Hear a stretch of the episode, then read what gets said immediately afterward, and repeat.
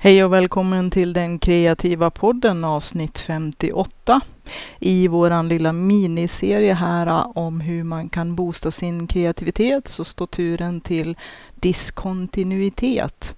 Och det låter ju som någonting väldigt äh, seriöst och allvarligt och äh, det är det faktiskt inte. Det är inte så himla märkvärdigt som det låter. Egentligen så pratade jag redan i förra avsnittet om det när jag pratade om slumpen och den kreativa slumpen som vi ibland kan ha turen att råka ut för. Men också att vi kan uppsöka den. Och lite grann diskontinuitet kom jag in på då genom att jag gav det förslaget att man skulle försöka göra saker och ting annorlunda tänka nytt och tänka i andra riktningar och ur andra vinklar och försöka se andra perspektiv. Det finns ju massa olika sätt att göra det på. Jag föreslog att man skulle ta en annan väg till eller från jobbet. Hoppa av bussen lite tidigare, gå den sista biten kanske. Eller kanske gå en lite längre sträcka till nästa busshållplats. Man kan upptäcka mycket på korta bitar utav väg som man aldrig kanske normalt ser. Jag tänker också att många gånger när vi åker med bil eller annat fordon, tåg eller buss och sådär, då hinner man inte se speciellt mycket. Ibland kan det faktiskt vara väldigt bra att transportera sig via cykel eller att gå. Därför att då hinner man se en hel del saker på vägen som man kanske aldrig annars lägger märke till. När det gäller att fylla på sin kreativa källa så räknas alla sätt.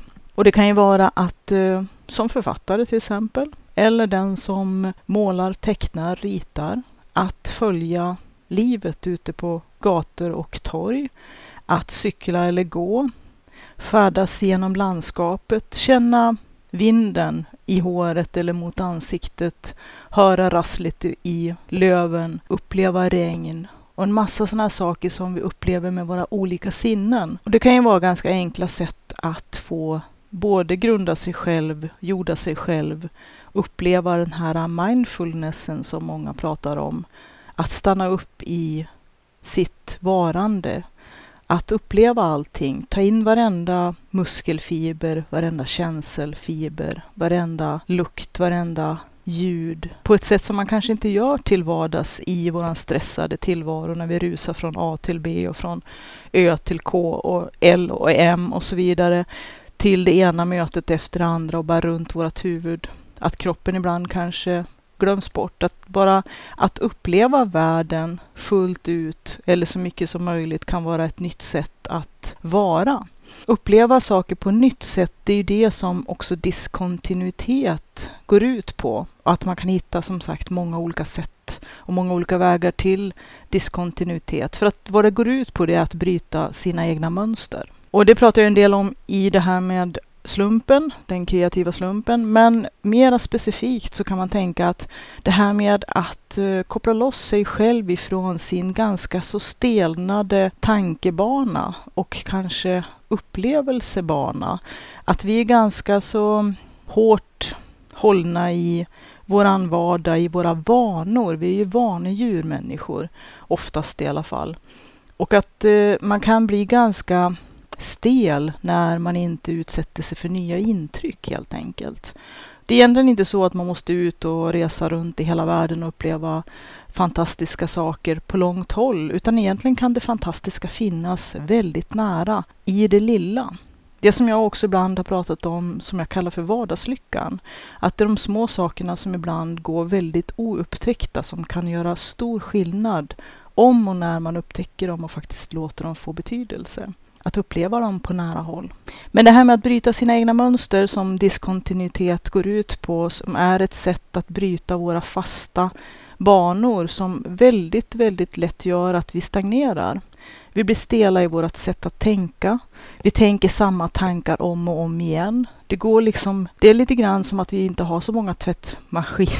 Vi har inte så många tvättprogram i tvättmaskinen utan det är mest 60 grader vittvätt och 40 grader fintvätt och sådär. Att vi måste vi måste ändra inställningarna helt enkelt. Mixtra lite med våra egna inställningar. Att det är väldigt lätt att vi blir ett stelt eget system. Och här ska jag säga emot mig själv lite grann, därför att det finns två sidor av det här. Det ena kreativa sättet är att använda diskontinuitet och att bryta sina mönster för att få syn på saker Få syn på saker som kanske är gamla men man aldrig lägger märke till. Få syn på nya saker som man aldrig lägger märke till för att vi bara lägger märke till de gamla sakerna. Att vi måste se saker och höra saker och ta reda på saker ur nya vinklar och försöka vara mera open-minded, lite mer öppen för sätt och tankar och intryck som vi annars kanske antingen stänger ut av gammal vana eller för att vi är så himla inkörda på vårt gamla spår. Och det är ju ganska tråkigt om vi har ett väldigt djupt och väldigt ensidigt spår som bara går i två riktningar, framåt, tillbaka, i samma spår, runt, runt, runt. Att vi måste bryta det för att hitta vår kreativitet. Och det kan ju kännas ganska givet när man säger det på det sättet. Men jag tror också att vi måste lite grann se båda sidorna av det här som jag ibland tänker. Att för mig är det väldigt viktigt att ha rutiner och vanor som för mig in på rätt bana också. Men de får inte vara en ursäkt för att inte utsätta sig för att man tycker att det är för otäckt att göra någonting nytt eller på ett annat sätt än vad man normalt brukar göra bara för att vi är ju lite grann av kontrollfreaks lite till mans. Vi vill att saker och ting ska vara precis som det alltid har varit och vi vill att saker och ting ska fortsätta vara som det alltid varit för då blir vi trygg. Mitt sätt att arbeta det är ju att ha mina rutiner och mina vanor för att föra mig in i den rätta banan när det gäller mitt arbete. Att jag behöver ha vissa rutiner som får mig att komma igång helt enkelt. Många gånger så är ju problemet att få någonting gjort, det är faktiskt att komma igång. De här igångsättnings, eh, igångsättningsmotståndet och igångsättningsmurarna som vi har. Och jag har kommit på att ett sätt att komma kring dem är att ha vanor och rutiner.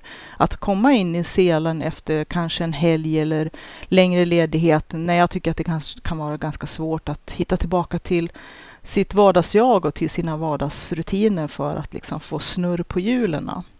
Men någonting som också kan göra oss väldigt sega, långsamma, tråkiga, tröga och gör att vi också tappar sugen och tappar fart i vårt arbete också. Det är ju när det blir för monotont, för ensidigt och faktiskt inte tillräckligt stimulerande. Och det vet jag utav mig mig själv, gammal vana, att jag kan väldigt lätt bli uttråkad och understimulerad. Och det känner jag det som ett väldigt stort hot emot min kreativitet. För att när jag blir uttråkad och känner att någonting är monotont och ensidigt, då tappar jag väldigt mycket fart. Faktiskt tappar jag lusten helt och hållet och orkar nästan inte göra någonting. Och igen är det det att hitta tillbaka till att sätta igång. Men en väldigt bra dos av ny energi kan man faktiskt få av att göra någonting helt nytt och göra någonting all, alldeles annorlunda.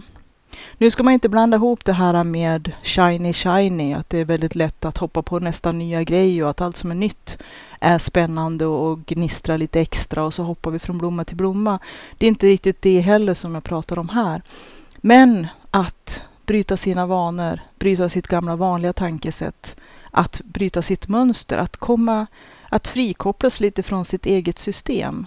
För att när vi är fast i vårt eget system, då kan det vara väldigt lätt att vi bara gör som vanligt. Som man brukar säga, i natt hade jag tusen olika nya drömmar och idéer, men i morse gjorde jag på precis samma sätt som vanligt. Och det är lite grann det som vi kan vara fast i. Men det kan vara med ganska enkla medel som man kan hitta nya vinklar på saker och ting. Ett av de givna det är ju att söka upp platser och personer och sammanhang och situationer där vi aldrig normalt är eller som vi annars aldrig ser.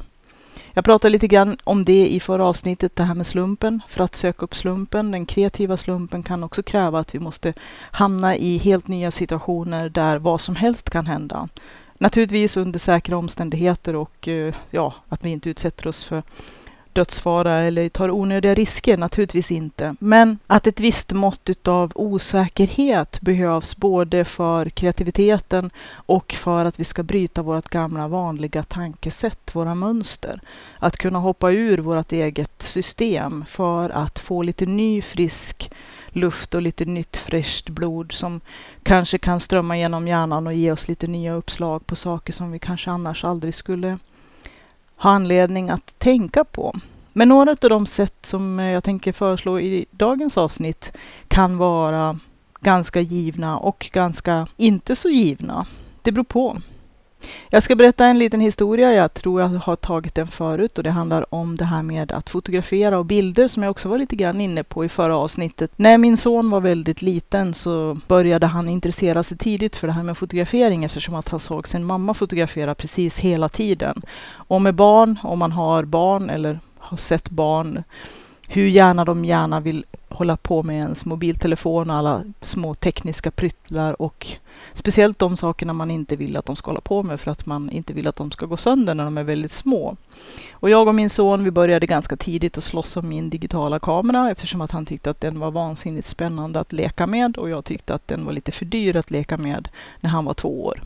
Hur det nu var så fick han ärva den här kameran när han blev lite äldre för att jag skaffade en annan kamera och han började fotografera parallellt med mig. Han var ofta ute och fotograferade och hade sina egna små fotosafari. Barn de gör ju saker som de tycker är kul och lustfyllt. Och det borde vi också göra i högre utsträckning. För jag tror att kreativiteten finns där också väldigt mycket. Och där har vi ju diskontinuitet att när vi leker så tappar vi ju ganska mycket det här hårda greppet som vanan och monotonin har om oss. Att när vi leker så tappar vi tid och rum och uppslukas och hamnar kanske i flow. Men min son han tog väldigt, väldigt, väldigt mycket bilder. För det är det som är fördelen med digitala kameror, att man kan fota hemskt mycket.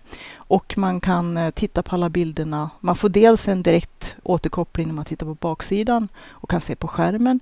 Men också sen när man laddar ner bilderna till exempel till en dator och kan sitta och titta på dem. Det som jag vill komma fram till det var att de bilder som han tog och faktiskt många var förvånande skarpa med tanke på hans ålder och att barn är ganska ja, livliga. Så att det här med att få ett skarpt fokus och hålla kameran still när man fotograferar och är kanske, jag kommer inte ihåg hur gammal han var, men inte mycket över tre år i alla fall. Så att många, faktiskt förvånande många av bilderna var riktigt eh, skarpa.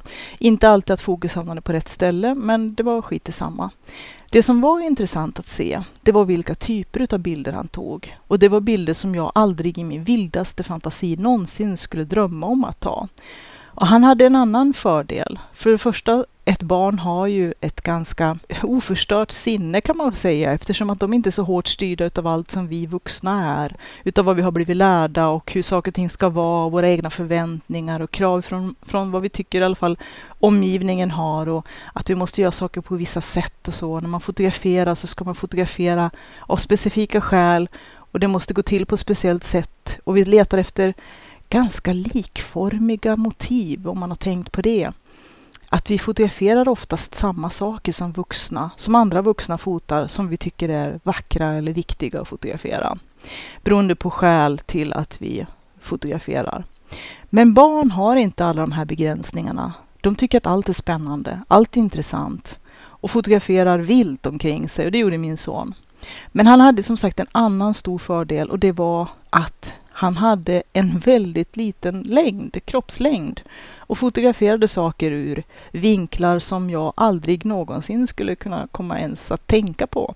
Dels styrt av hans eh, korta kroppslängd som två treåring, men också att han uppsökte motiv på helt andra ställen än vad jag som vuxen skulle göra. Plus att de är ju lite mera, vad ska man säga, rörliga och eh, så. Men han fotograferade i alla fall motiv som jag inte ens kunde drömma om och ifrån vinklar som var helt fantastiska genom att de var så oväntade. Där kan man snacka om den spontana kreativiteten som kommer helt naturligt. Så jag skulle vilja tipsa om att eh, det kanske inte behöver vara just med en kamera, men själva principen att försöka hitta de här andra vinklarna, inte de vanliga vinklarna, inte de här vinklarna som alla andra redan har hittat eller som är de standardmässiga. För mycket har standardmässiga vinklar. Hur vi ska tänka, hur vi ska prata, hur vi ska tycka och hur vi ska tro och vad vi ska se. Att vi ser ju oftast och hör ju oftast det som vi förväntar oss och tittar efter och lyssnar efter. Man brukar också säga att som man ropar får man svar. Och det ligger väldigt mycket vishet och klokhet i de orden. Att som man ropar får man svar. Att vi behöver kanske ibland ropa på ett annorlunda sätt för att få andra svar än de som vi alltid får eller de som vi alltid förväntar oss eller de som vi alltid letar efter. Det är ju ett stort problem också inom forskning att många som forskar har ju ett bias, det vill säga att man har en redan förutfattad mening om vad det är man forskar på och vilka svar man förväntar sig. Att man oftast får just de svar som man, på de frågor som man har frågat. Alltså som man ropar får man svar och att de ofta hittar de svar som bekräftar just deras egna teorier och just det de själva har sökt efter. Eftersom att vi har lite svårigheter att vara objektiva. Att allt som människor gör är ju subjektivt och att eftersom att vi också deltar i all interaktion och att om vi gör undersökningar och forskar även själva är en del i den här verksamheten som gör att den styrs av oss. Och det är ju svårt att ha den objektiviteten som krävs för att inse vad vi ska undvika för att inte själva påverka resultatet. Att vi är subjektiva och att vår egen interaktion med det som vi försöker få svar på eller som vi undersöker eller forskar kring. Eller när det handlar om kreativitet, att vi ofta hamnar i samma inkörda spår eller de som vi förväntar oss. Att redan när vi börjar så har vi redan en plan och en inriktning som leder oss direkt på de här spåren som vi förväntar oss. Och det här är inte, egentligen inte så himla lätt. Inte om man tittar på dem lite kanske bredare och djupare perspektiven när det handlar om forskning. Men när det handlar om ens kreativa liv och ens kreativa källa, man vill fylla på den, då kanske det inte är lika komplicerat. Vi kan faktiskt hitta sätt att hitta nya vinklar på saker som inte är lika krävande som när vi ska försöka göra en objektiv forskning kring ett visst område. Men jag tänker så här, att hitta de här vinklarna som är nya, som är annorlunda, som är nydanande, eller i alla fall för oss, får oss utanför vårt mönster, det här inkörda spåret.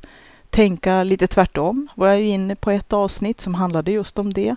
Slumpen en del i det här. Drömmar, dagdrömmeri. Det finns många sätt att komma utanför det här inkörda spåret att försöka hoppa ur sitt system. Men ibland måste man vara lite enveten för att det är så väldigt lätt att ramla tillbaka i det där spåret fastän att vår avsikt är att komma ur just det spåret. Men barn med fotografering, en annan, ett annat exempel som jag tycker är spännande det var för några år sedan, det är kanske ganska många år sedan, jag kommer inte ihåg, men för några år sedan i alla fall så var det en man som eh, köpte ett, en hel stack, nästan en hel container med engångskameror som han delade ut till barn och unga i Brasiliens slum och lät dem springa ut och fotografera sitt liv, sin vardag och det de såg och sen komma tillbaka med kameran. Och det blev en ganska så fantastisk fotosamling med bilder som jag tror inte någon annan än just alla de här barnen skulle kunna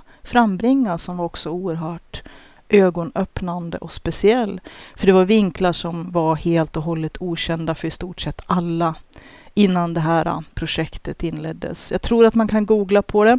Jag läste om det på nätet för ett, ja, det är några år sedan som sagt. Och jag är inte säker på riktigt äh, vad man ska googla på, men kanske man får vara lite uppfinningsrik här. Äh, så kanske man kan hitta det här. Jag vet inte vad det hela utmynnade i, men jag tittade på många av de här bilderna i alla fall. Och eh, de var väldigt eh, speciella och väldigt... Det visar ju naturligtvis en ganska utsatt del av världen och utsatta människors liv, men också väldigt mycket värme och kärlek och väldigt mycket saker som ja, var väldigt speciella helt enkelt. Och det här är ju också ett exempel som alla kanske inte har en två, treåring de kan skicka ut med en digital kamera och titta på deras bilder eller kanske andra barn de kan utrusta med engångskameror. Egentligen så är det här bara exempel för mig som jag vill att du ska fundera kring som kreativa kickstarters för hur du själv kan hitta nya vinklar med dig själv. Hitta de här sätten, kanske arbetssätten som för ut dig lite mera på okända banor och bryter de här bekvämlighetscirklarna och våra, ja, våran vanliga vardag som kan bli väldigt grå ibland. Naturligtvis, det är väl då vi reagerar för den, men också väldigt bekväm och gör att vi inte riktigt vill lämna de här djupa spåren, för de är bekväma helt enkelt. Men samtidigt när vi känner att vi stagnerar kreativitetsmässigt, att vi inte får något nytt bränsle till våra fantasier om vi är kreativa, skapande människor, då är det dags att ge sig ut i världen på upptäcktsfärd. Man kan göra det med kamera eller utan kamera. Och jag kommer att ge mera exempel i andra utav de här äh, återstående avsnitten i den här korta serien om hur man kan boosta sin kreativitet. Jag har några punkter kvar. Men som du märker så ibland går de ju in lite grann i varandra. Det här med att fånga idéer som är ganska så flyktiga genom att hela tiden ha papper och penna eller någonting att anteckna med. Som sen gick vidare till det här med drömmar och dagdrömmar som kan också vara en rik källa till kreativitet och uppslag och också faktiskt när vårt undermedvetna får hålla på och skoja lite med oss kan också ge uppslag till saker som är utanför vårt in, inkörda hjulspår. Och då måste man gärna också ha anteckningsblocket och pennan nära till hands för att det är väldigt flyktiga saker. Och sen kom jag in på det här med slumpen och slumpens kreativa spel som kan vara väldigt givande om vi ger den chansen, som jag tycker går hand i hand med dagens avsnitt om diskontinuitet som jag också var inne och slarvade lite på i förra avsnittet. Så lyssna gärna på förra avsnittet, avsnitt 57 om slumpens spel. Andra sätt att bryta sin eh, monotona, enformiga, ensidiga, inkörda, gråa vardag. Nej, nu kanske jag tar i lite grann och gör det här lite värre än vad det behöver vara, men det här med att bryta lite stela tankesätt och tankegångar, det som vi är vi, för vi har ju en tendens att cementera den vi är, vår egen identitet. Att vi har en viss uppsättning synsätt, ett visst uppsättning med tankar som vi kanske har tänkt samma, lite runt, runt sådär att vi har samma åsikter och uttrycker samma åsikter. Vi läser samma böcker, tittar på samma typ av filmer, lyssnar på samma slags musik, letar efter samma grejer på internet, träffar samma slags människor, ofta samma slags människor som vi själva är. Redan här märker man ju att det är saker som är ganska ensidiga, som inte leder till så många källor till nya intryck och möjligheter att fylla vår kreativa källa för att vi egentligen håller på och tuggar runt i samma gamla pappersmassa som vi alltid är i.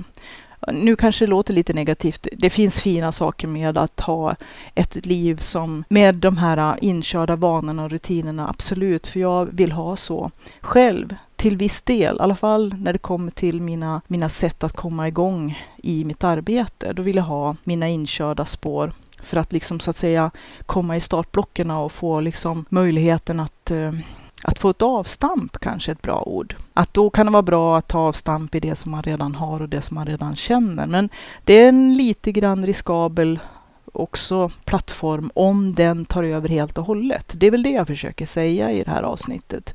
Att det är väldigt lätt att den här plattformen blir en tung blyfot istället som gör att vi blir väldigt cementerad. Man pratar ju väldigt mycket förr i tiden om cementhäckar och det kanske är att slippa eh, riskera bli en cementhäck helt enkelt. Slippa bli den här eh, vä väg roadblock som de säger på engelska, den här, det här väghindret. Jag tänker att eh, man kanske måste tänka i lite nya banor. Att om man märker att ens liv har blivit väldigt, kanske kretsar väldigt mycket kring att inte bara cementera någonting utan också att vi är väldigt förtjusta i den vi är, i vår identitet och det är inget fel i det. Men att om vi märker att vi kanske helt och hållet bara tittar på samma filmer, läser samma böcker av samma författare, pratar med samma människor om samma saker dag ut och dag in. Jag menar, när ens arbetskollegor pratar fortfarande om den där fantastiska husvagnssemestern 73 och har gjort det varje år det tycker jag är ett tecken på att någonting inte riktigt är jättebra. Eller att man kanske åker till alltid samma semester och hyr samma stuga och samma rum. Det är klart det kan vara skärmigt att veta precis och ha sina minnen på ett och samma ställe när man firar semester. Men om det inte balanseras upp av att testa lite nya saker, att göra lite äventyrliga grejer och ge sig ut lite grann i sin egen omgivning och se någonting med nya fräscha ögon och våga göra nya saker. Då skulle jag vilja beteckna det som att man har kört fast och blivit, riskerar att bli en jävligt tråkig människa, ursäkta att jag säger det på ren svenska så här mitt i podden. För att förhindra att man blir den här cementhäcken så måste man nog vidta åtgärder. Och jag tror att eh, ju flera sätt att kanske konfronteras med låter som kanske ett lite väl starkt ord, men att mötas utav nya saker, det är att söka upp nya sammanhang. Som, som jag var inne i förra avsnittet och pratade lite grann om det här med en regel om att göra någonting nytt varje vecka. Eller om man tycker att det är lite för häftigt, göra någonting nytt en gång i månaden. Kanske läsa en ny författare inom ett helt nytt område. Jag som alltid har läst en viss typ av böcker länge blev plötsligt trött på den typen av böcker och började läsa helt andra typer av böcker. Som jag tidigare hade helt och hållet dissat och tänkt att gud, sånt där kommer jag aldrig att läsa. Gud vad tråkigt det verkar. Att jag hade ganska mycket fördomar om det. Så att, att bryta sig loss ifrån kanske sin egen föreställning och sina egna fördomar om sig själv också. Att man kan faktiskt inte veta vilken typ av musik man gillar eller vilken typ av författare eller vilken typ av genre eller vilken typ av filmer eller andra typer av intryck som man kanske skulle vilja behöva ha, kan man inte veta förrän man faktiskt har fått dem. Och om vi hela tiden avhåller oss från att få dem för att vi är så rädda för att testa någonting nytt, som till exempel det här med att prova att äta någon ny maträtt, då kommer vi aldrig att komma någonstans med att få lite ny kreativ energi, lite nytändning, lite nytt fräscht material, nytt friskt blod i hjärnvindlingarna, om vi inte vågar. Så jag tycker, testa. Ifrågasätt dina egna åsikter, träffa folk som du aldrig träffar annars, hamna i sammanhang som du inte skulle uppsöka vanligtvis. Open-minded, med ett öppet sinnesätt. Ligg lågt, gå under radarn, du behöver inte gå dit för att missionera eller för att berätta för alla vilka åsikter du redan har cementerat. Kom dit och lyssna istället. Uppsök platser där du aldrig varit. Även sådana platser som kanske kan verka vara mindre viktiga eller mindre speciella. Att vi missar de små sakerna i livet. Att vi ska åka, vi ska alltid åka någonstans utomlands för att se någonting speciellt och spektakulärt. Men ofta så ser vi ju bara samma sevärdheter som alla andra redan har sett. Eller säger att man ska se eller som man bör se. Eller som man ska ha sett om man har varit där, till det speciella stället.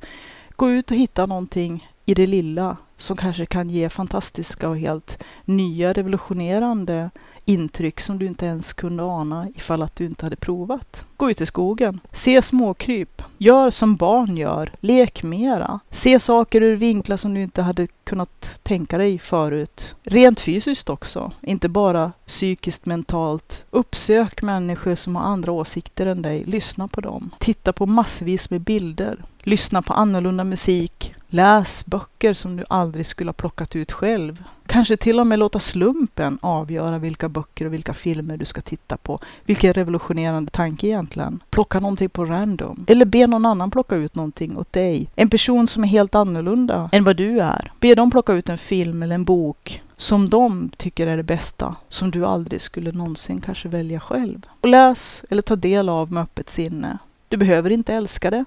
Du behöver inte köpa hela paketet. Men jag kan slå vad om att du kommer att hitta ett korn av någonting helt nytt som du inte ens visste att du hade i dig. Det kan vara ganska fantastiska intryck och fantastiska upplevelser att ha. Och att upptäcka om sig själv. Plus också att om man har tur så kan det leda till helt nya vänskaper.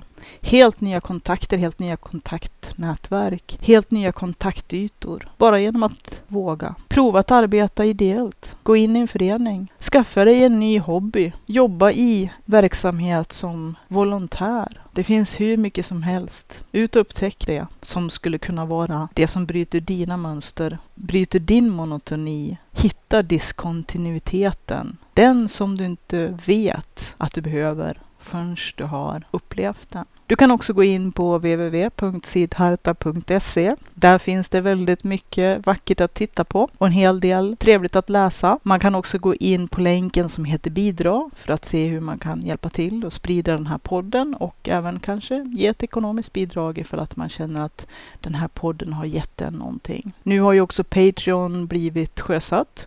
Jag har jobbat intensivt under ett antal dagar här fram och tillbaka. Först skrev jag allting på engelska. Fråga inte varför.